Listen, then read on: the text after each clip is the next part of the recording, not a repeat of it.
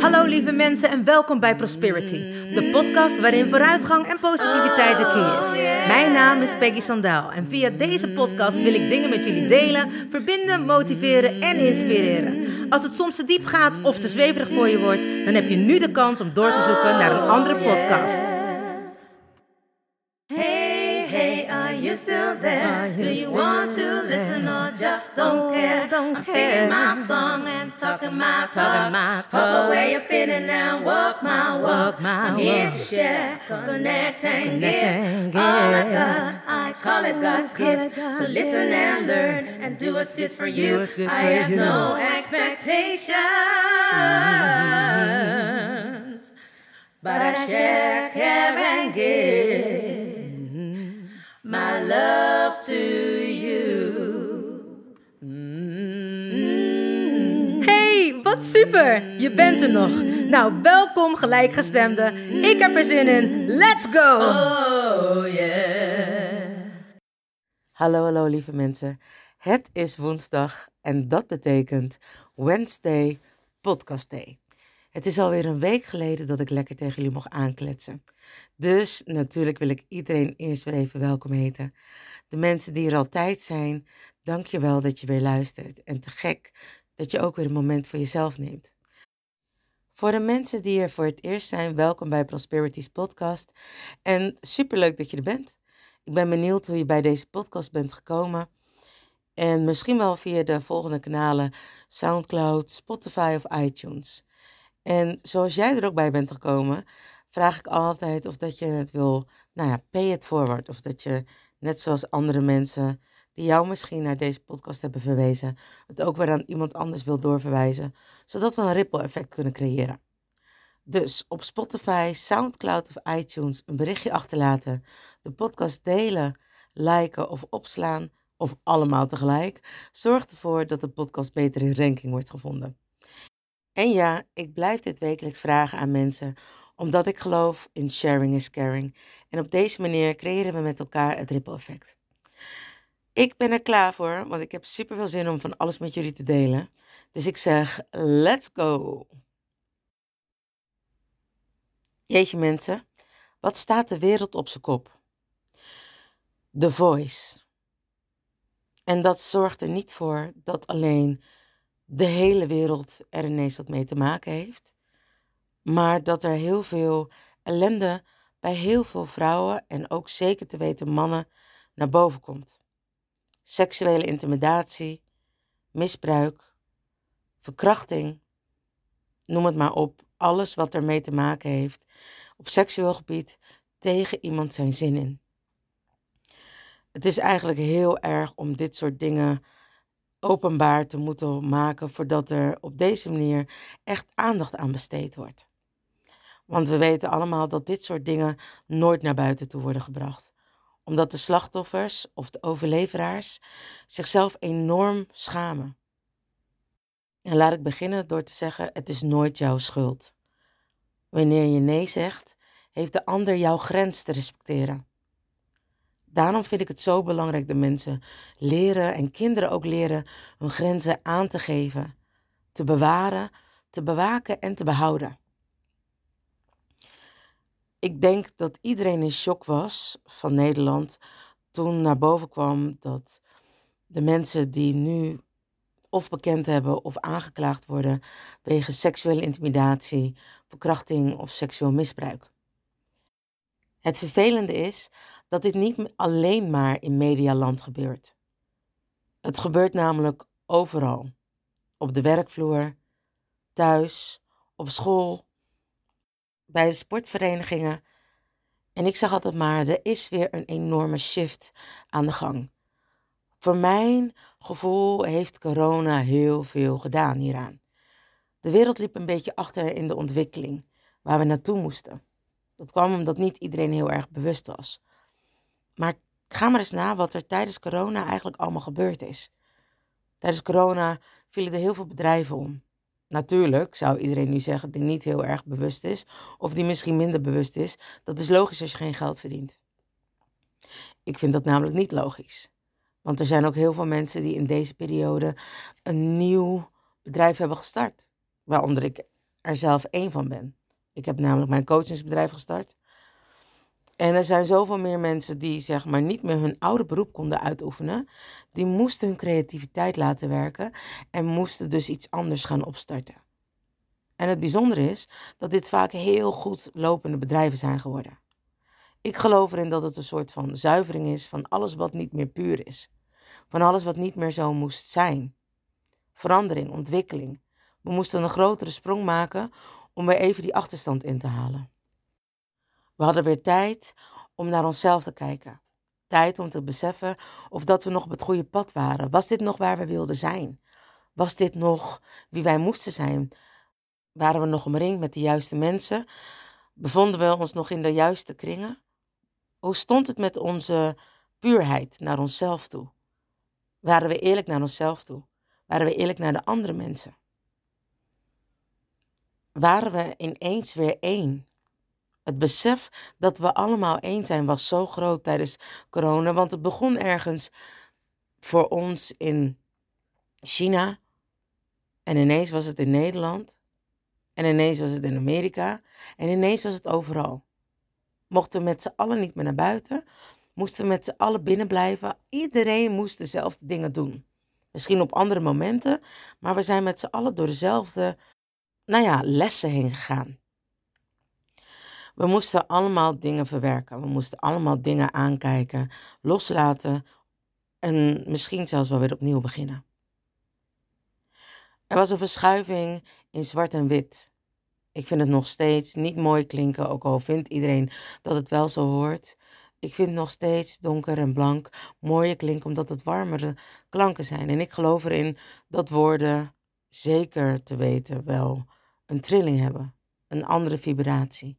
En zwart en wit klinkt voor mij te tegenstrijdig. En ik vind dat we tijdens corona hebben geleerd dat we allemaal één zijn. Maar de hele Black Lives Matters beweging kwam op gang. Ineens werd er veel meer aandacht besteed aan dat we allemaal gelijk moesten zijn. En natuurlijk moet er eerst een verschuiving plaatsvinden. En ik zie het altijd als een wip of als een weegschaal.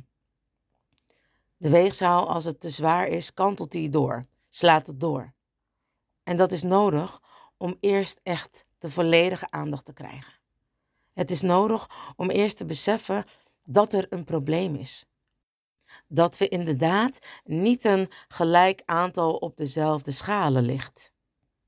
Dus er was te veel blank of wit, wat zichzelf beter vond dan zwart of donker. En nu ineens moest het allemaal gelijk getrokken worden. En het was ook aan de andere kant zo dat zwart misschien zichzelf beter vond dan wit. Of donker zichzelf beter vond dan blank. Maar er is nu een opening.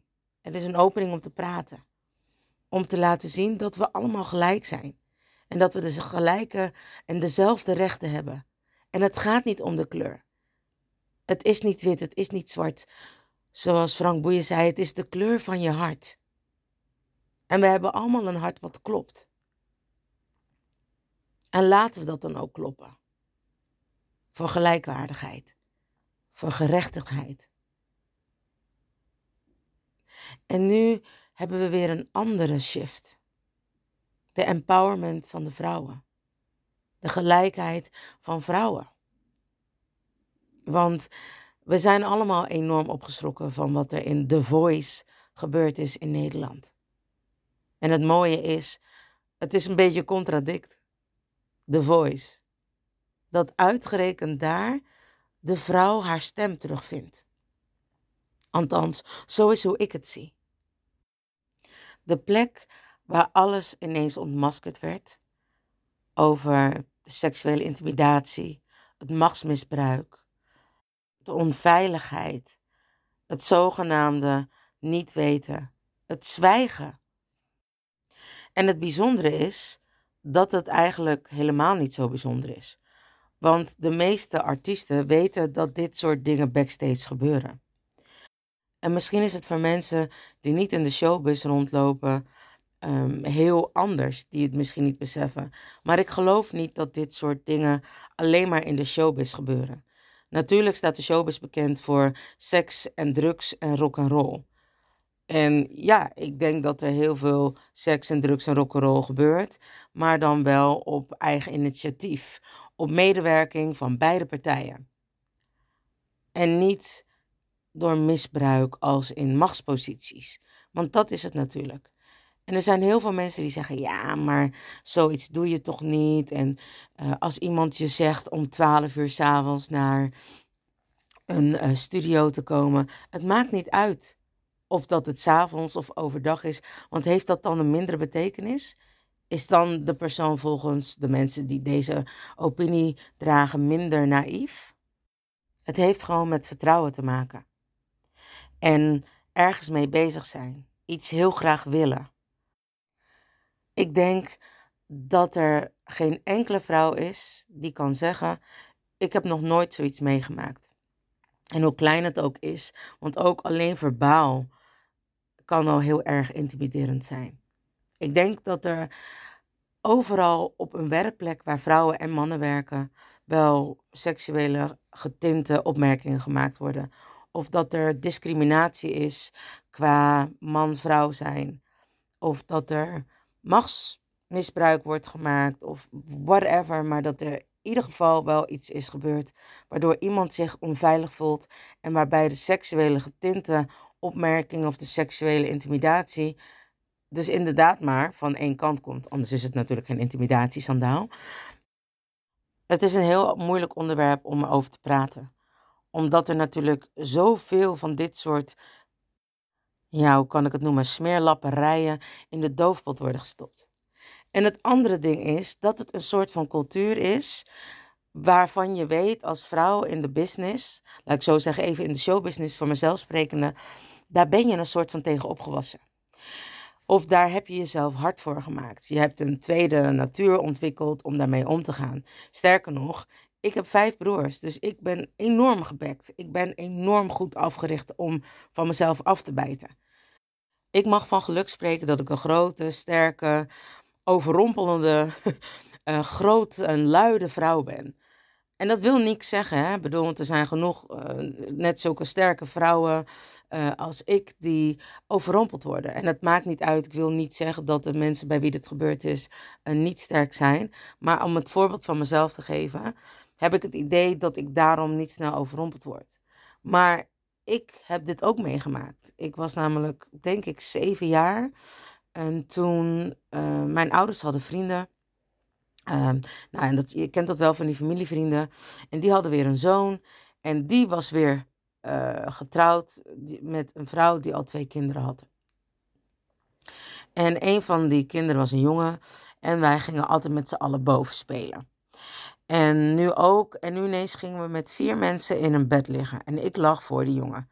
En ik weet nog dat ik rond de acht of zeven jaar was, omdat mijn borsten begonnen te groeien. En ik denk dat elke vrouw die luistert dit herkent. Als je een meisje bent daar, en je borsten beginnen met groeien, dan krijg je van die schijven in je borsten. Dat begint dan op die manier te groeien. Hè? Je melkklieren beginnen op te zetten. Het is in ieder geval verschrikkelijk als het, als het begint. Veel, of laat ik zo zeggen, ik vond het niet heel erg fijn. Want ineens vond ik me anders en ik voelde me altijd al anders omdat ik het enige donkere meisje of zwarte meisje was in een dorp. Dus ik was al anders. Gelukkig lieten mijn ouders me altijd gewoon mezelf zijn en voelde ik me in mijn familie niet anders. Maar ja, jullie weten ook hoe kinderen zijn. Kinderen zijn heel hard en zeggen: Ja, jij bent anders, want je hebt een andere kleur. Uh, je hebt dikke lippen, je hebt een brede neus en je hebt dikke billen. Dus ik was altijd anders.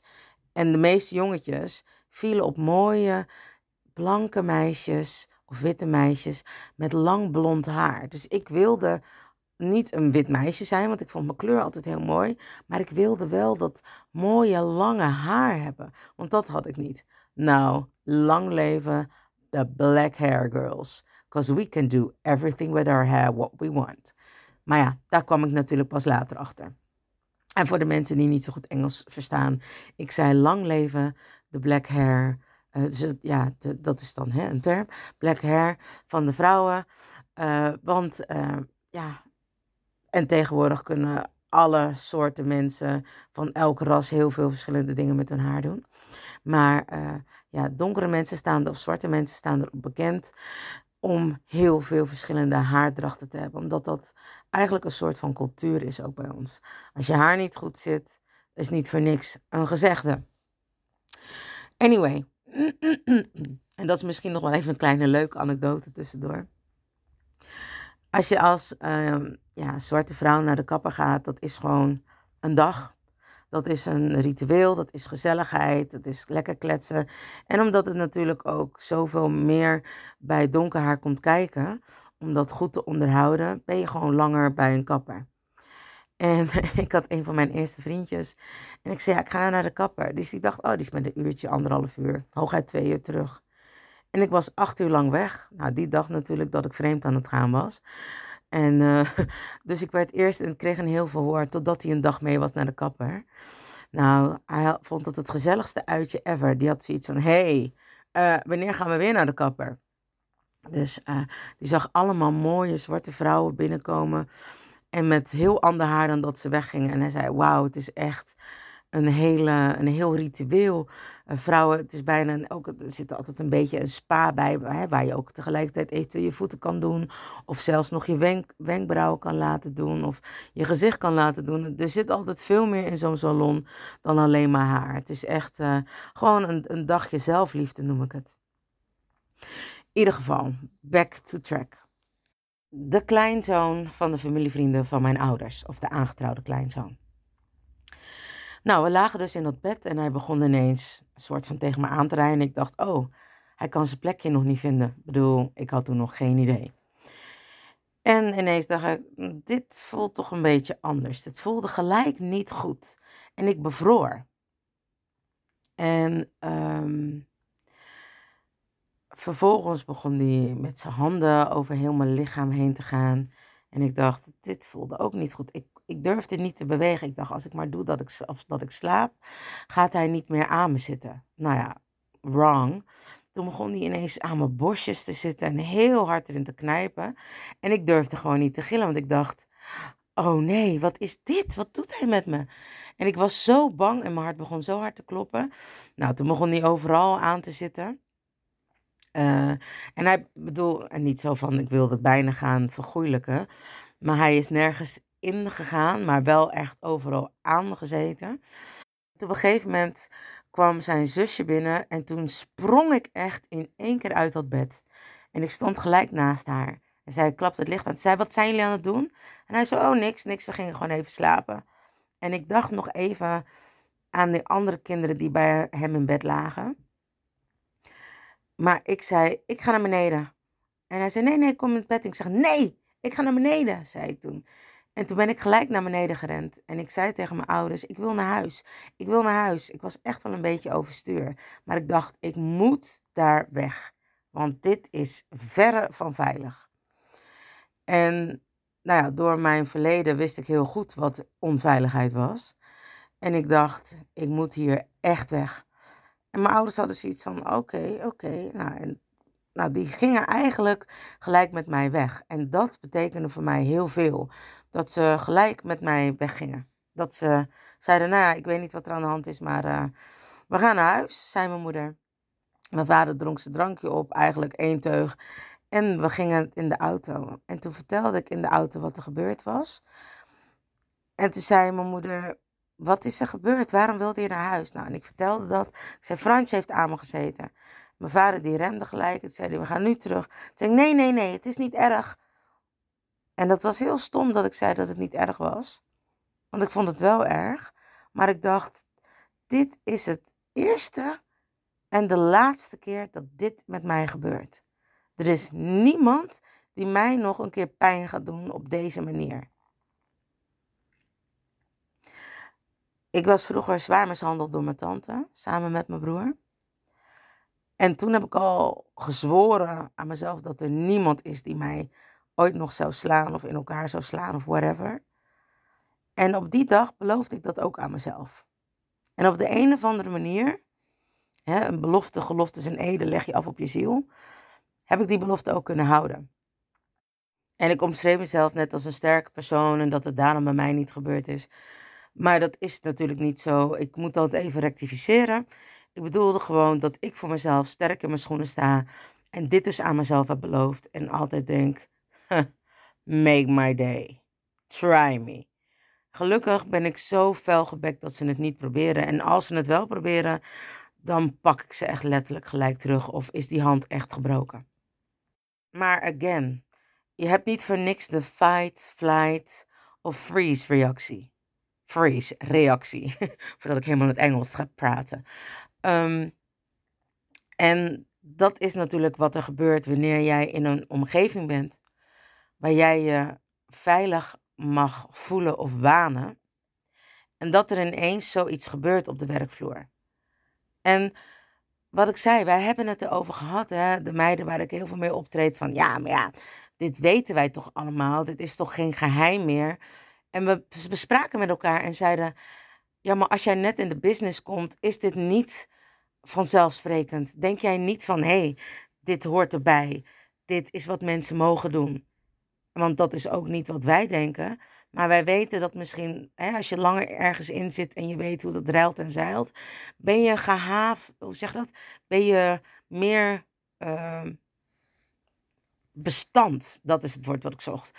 Ben je meer bestand om daar tegen in te gaan. Of te zeggen, hé, hey, blijf lekker met je klauwen van me af. Of doe jij eens even heel snel normaal. Of whatever je wil zeggen om dat te doen. Maar als jij voor het eerst in deze business komt, of je doet mee met het programma, of je bent op de werkvloer, waar je, je wat ik zei, waar je jezelf veilig mag wanen. En ineens gebeuren dit soort dingen. Naar wie kun je toe? Ja, we hebben allemaal protocollen. Maar voordat jij wordt aangenomen, gaan we niet eerst met z'n allen een heel protocol door. En dan zeggen we, ja, artikel 988, daar staat dat als dit gebeurt, je naar die en die persoon kan gaan. Om daar dan eens even flink mee te praten. Ik weet nog wel dat, je, dat dat toen gebeurde toen ik zo jong was. Dat ik dacht, ja, het is zijn woord tegen het mijne. Maar ik wist dat mijn ouders me zouden geloven. Maar die mensen zijn zo goed in het manipuleren. Hebben bijvoorbeeld, ik weet het van vrienden van mij die seksueel misbruikt zijn, dat ze altijd omgekocht worden. Uh, en dat die kinderen, hè, toen waren ze nog kinderen, of die vrouwen echt denken dat die persoon om ze geeft, omdat ze ook daarna gelijk heel lief doen. Hè, bij Oprah Winfrey, die vertelde zelfs dat de verkrachter, nadat ze verkracht was, een ijsje met haar ging kopen. Je bent zo van slag. Je hebt geen idee wat er met je gebeurd is. En vervolgens doet die persoon ook nog eens aardig tegen je. Huh? Of mensen die nog nooit aandacht hebben gekregen. Ineens iemand die aan ze zit en lichamelijk contact met ze maakt. En ze zich geliefd voelen. En toch even net over dat streepje heen gaan. Maar ja, hij was altijd zo aardig. Want dat is natuurlijk hoe mensen die continu met iemand seksueel, mis, die iemand seksueel misbruiken, niet één keer, maar meerdere keren, of misschien ook één keer te werk gaan.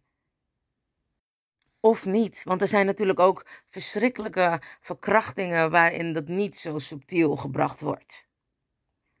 Ik bedoel, het is van de zotte dat wij als vrouwen ons niet veilig kunnen voelen of dat er zulke opmerkingen gemaakt mogen en kunnen worden. En het andere bizarre is dat we er zo aan gewend zijn. Dat we in het vak zitten en dat we er grapjes over maken. En eerlijk, bedoel, wij hebben er ook grapjes over gemaakt. Wij doen net zo hard mee. De vrouwen die er gewend eraan zijn. Ik bedoel, ik ben er net zo schuldig aan. Want ik maak ook zulke grapjes. Maar op de of andere manier. Zo, op, ik kom gewoon bijna niet meer uit mijn woorden, omdat ik er echt vol van ben. Op de een of andere manier weet ik bij wie ik het kan doen. En dat zijn mannen die super respectvol zijn, waar we inderdaad geintjes mee kunnen maken. Maar wanneer wij ons om gaan kleden, ze allemaal de kleedkamer verlaten. Ze vragen: Zitten jullie hier? Um, mag ik er heel even erbij? Of kloppen als ze naar binnen komen. En niet zogenaamd: Oh, sorry, ik wist niet dat je aan het omkleden was. Of continu achterkomen staan als je even aan het omkleden bent, dat ze toevallig net altijd iets vergeten zijn. Ik denk dat de mensen die in de showbiz zitten deze nou ja, voorbeelden enorm herkennen. Maar er zijn nog verschrikkelijkere voorbeelden. En ik weet ze niet allemaal. Maar ik bedoel, ik denk dat we allemaal de incest eh, alle Friesels en Friedels en nou ja, alle gekke mensen die we hebben gehoord de afgelopen tijden in het nieuws, waarvan het gelukkig naar boven is gekomen en die kinderen, vrouwen en jongens allemaal hulp hebben kunnen krijgen. Maar het bijzondere is dat wanneer dit je overkomt, je voor de rest van je leven beschadigd bent. En ik bedoel dit niet in een negatieve manier, maar als in, dit is een litteken. En een litteken gaat niet meer van je lichaam af. Dat draag je altijd bij je. En de personen die het hebben gedaan, ja, wat, wat krijgen die? Hoe gaan ze ermee weg? Hoe... Het is altijd het vervelende jouw woord tegen mijn woord. En natuurlijk mag je de mensen die nu terecht staan nog niet veroordelen. Maar het is wel al heel symbolisch dat mensen er mee weg kunnen komen. Dat er nog steeds mensen zijn die iets hebben gedaan in het verleden en waarbij gewoon op nou ja, hele dansscholen dingen in de doofpot worden geschoven. Omdat natuurlijk de dansschool moet blijven bestaan of de voetbalclub moet blijven bestaan. En dan kan er zomaar gezegd worden tegen het slachtoffer: Nou, vergeet het maar snel. Of inderdaad, hier heb je zoveel honderd euro, uh, koop je geluk ermee. En ik ben er niet bij geweest, maar ik heb de verhalen gehoord en er zijn nog veel verschrikkelijkere dingen gezegd tegen sommige mensen. En ik baal ervan. Ik vind het verschrikkelijk dat het zo is. Het is een beetje, een vriendin van mij is ooit tijdens een heerlijke nacht zwanger geworden. En die jongen zei, ja, uh, ik wilde dit niet. De morning after pil genomen, alles, het condoom was verscheurd. Want meneer wilde natuurlijk wel zonder condoom. Dus toen het gebeurde, toen ja, uh, nou dan gaan we maar zo door. Tuurlijk, tuurlijk was mijn vriendin er zeker ook bij. Maar toen ze zwanger was, was meneer nergens meer te bekennen. En dat vind ik ook zo oneerlijk in zo'n situatie. Dat de vrouw zwanger raakt. Ja, mannen kunnen niet zwanger raken, dus hè, daar heb je wat. Maar mijn moeder heeft mij altijd geleerd. Mij en ook mijn broers, dat als, hè, mijn moeder zei, als je denkt dat je volwassen genoeg bent om al seks te hebben, dan moet je ook de verantwoordelijkheden daarmee dragen. Maar dat zei ze niet alleen maar tegen mij. Dat zei ze ook tegen mijn broers. Dus dat betekende, wanneer mijn broers misschien een meisje zwanger zouden maken, dat ze daar niet voor weg mochten lopen. Dus met andere woorden, wij als ouders hebben een taak om onze kinderen op te voeden. Om onze kinderen gelijk op te voeden. Zowel jongens als meisjes moeten dezelfde normen en waarden krijgen. Dus kortom, je leert dat iedereen gelijk is. Kleur, ras, gender, iedereen is gelijk. We hebben namelijk allemaal hetzelfde bloed. Mijn moeder zei dat altijd zo mooi. Als ik me snij als jij me snijdt, komt er hetzelfde bloed eruit. Je bent niet anders. Jij bent jij. En jij mag zijn wie je bent. Je bent mooi, je bent sterk, je bent krachtig. En als je een vergissing maakt, dan zorg ik ervoor dat je weet hoe het de volgende keer wel moet. Zodat je geen fouten hoeft te maken. Die veiligheid gaven mijn ouders mij toen ze me grootbrachten. Door vallen en op te staan leerden ze mij wie ik mocht zijn. Met de juiste normen en waarden. En natuurlijk bedoel, wanneer je ouders je loslaten, dan maak je zeker wel eens vergissingen. Sterker nog, je maakt zeker fouten. Maar ik geloof erin dat je je ouders je hebben geleerd om die te herstellen. Om te weten ook wat goed en fout is. Sterker nog, mijn schoonzus zegt altijd: Meneer, een worm, ze zeggen altijd: een worm heeft geen hersenen. Maar wanneer de gevaar dreigt, weet een worm heel snel weg te duiken. Dat is hetzelfde als dat we zeggen hè, dat pubers niet de gevolgen kunnen inzien van hun daden. Maar wanneer ze iets doen en de politie komt eraan, weten ze wel heel snel weg te rennen. Dus ze weten wel zeker het verschil tussen goed en fout. Als een worm dat weet, dan weet elk mens dat ook. Het enige verschil is dat het een mens misschien niet kan deren wat een ander voelt. Een soort van psychopaat zijn. Of de roem en de macht is naar je kop gestegen. Of je positie heeft je te dik gemaakt in je kop. Doe even lekker normaal. En blijf met je tengels van een ieder af die dat niet wenst. Heb respect voor elkaar, zowel mannen als vrouwen. We hebben allemaal geleerd wat de woorden ja en nee betekenen. En misschien, ja, dat is inderdaad een twijfel. Maar wanneer iemand nee zegt, dan is het nee. En ik vraag me altijd af of dat die mensen überhaupt een inlevingsvermogen hebben van, joh, hoe zou ik het vinden als ik dit bij mijn kind zou doen? Of hoe zou ik het vinden als iemand dit bij mijn zus zou doen? Of hoe zou ik het vinden als iemand dit bij mijn moeder, broer, vader, whatever zou doen? Maar ja, als je dit überhaupt al doet, dan heb je denk ik geen empathisch vermogen. Of misschien nog erger, is het jezelf ook overkomen. Vaak worden slachtoffers ook daders. Laten we dat ook niet vergeten. Elke kant heeft natuurlijk een verhaal. Maar ik wil vooral de mensen die door deze verschrikkelijke situatie heen gaan, of bij de mensen bij wie dit allemaal, omdat de voice letterlijk de stem weer naar buiten heeft gebracht, van alle mensen bij wie dit is overkomen, mensen die het slachtoffer zijn geworden van seksuele intimidatie, onderdrukking, verkrachting. In ieder geval dingen die tegen hun wil in zijn gegaan. Ik wil jullie heel veel sterkte wensen. En zeker voor de mensen bij wie alles weer omhoog komt, bij wie alles weer op, opgerakeld wordt. Ik kan niet zeggen het spijt me voor de andere mensen die dit jullie hebben aangedaan. Maar het spijt me zo. Ik vind het zo verschrikkelijk dat je dit hebt mee moeten maken. En misschien heb je het al eerder gehoord. Maar weet, het is nooit jouw schuld. Nee is nee. Of ook al bevroor je en heb je het woord nee niet eens in je mond kunnen hebben. Als je iets niet wilde en dat weet je, is het niet jouw schuld. En ik wens je heel veel sterkte met waar je doorheen gaat. Iedereen die dit heeft meegemaakt of mee moet maken, of misschien wel familie is van de daders.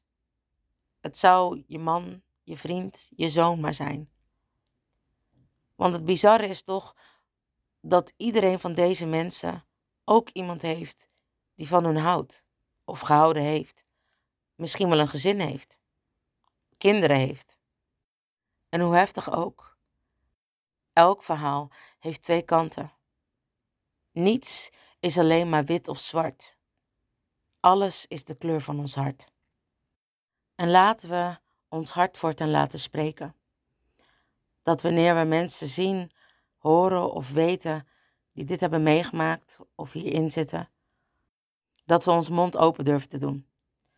Dat we elkaar durven te helpen, elkaar durven te steunen en te supporten, door als iemand niet kan praten, dat wij dat wel kunnen doen.